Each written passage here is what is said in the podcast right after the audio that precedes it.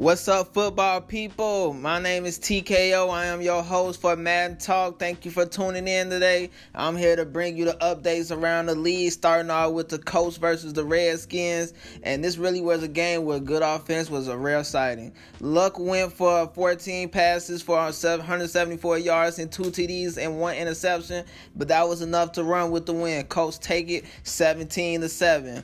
Then here go a more exciting game with the Chiefs facing the Steelers. Pittsburgh had control in the first half, but lost steam when it really mattered. Mason Rudolph, aka the best quarterback from the 2018 draft, and yes, you can quote me on that. Had a tough out, tough out in this game, but he threw for 229 yards for two TDs. Mahomes didn't do any better, but let's not put the blame on him. He took seven sacks for Christ's sakes. His O line is made out of paper. I swear to God. All, the, all in all, they found a way to win the game, and it's nailed by the Chiefs on top, 24-20. Oh man, uh, sorry if I stutter more than usual, but I just cannot stop looking at this score. Dolphins blow out the Jets with a score of 35 to 12. Of course, it's just the Jets, so we can't go wide as much as I am. But for the Dolphins to put this much, this much up is ridiculous. Tannehill dismantled their secondary through the ground and the air. Unbelievable. He carried his team to the first and last victory. Yes, I'm still going to talk bad on y'all.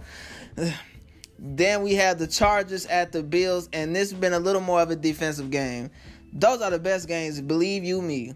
When you talk about the Chargers defense, you think Bosa or Ingram, but no, it was the seven year pro Corey Liuget disrupting the Bills' offense with seven tackles, with three of them resulted in sacks, and even came away with a forced fumble. Lightning strikes again as the Chargers roll over the Bills for the win number two, 24 to 10. Now we have another rival game in Los Angeles with the Rams hosting the Cardinals.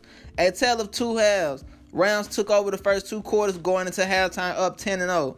But whatever what was said in that locker room sparked them lifeless Cardinals up. The rookie Josh Rosen rallied his team from behind to tie out the game leading to overtime. Arizona came out of this one alive with the win, 23 to 17.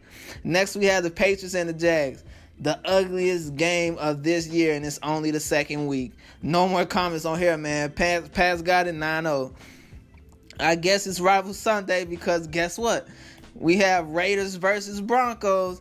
Carr put in work today with six TDs, five through the air and one on the ground. Amari Cooper is pairing well with Brian, by the way. Broncos offense has to do better, man. The defense cannot carry y'all the whole season this time. The Raiders executed by the end of the day with a score of 49 to 28. Dallas may be the laughing stock right now, but they took care of business today against the Giants. And you're telling me the second pick and the first round 2018 draft only had three yards? Three yards? Man, pitiful. The Cowgirls, not the Cowgirls, I mean the Cowboys, hopscotch, I mean, ran away with the score 17 12. It's raining donuts in Soldier Field after the Bears failed to get a single point against the Seahawks. Now you see, now you see why I ranked the Hawks as high as I did. Incredible performance on both sides of the ball. Bears got pummeled so bad. I'm starting to think was that last win a fluke. Only time would tell, man. And that's all we have before today. We have a couple of delayed games. I'll bring updates as soon as they're as soon as they're done. All right, this TKO going out. See you later.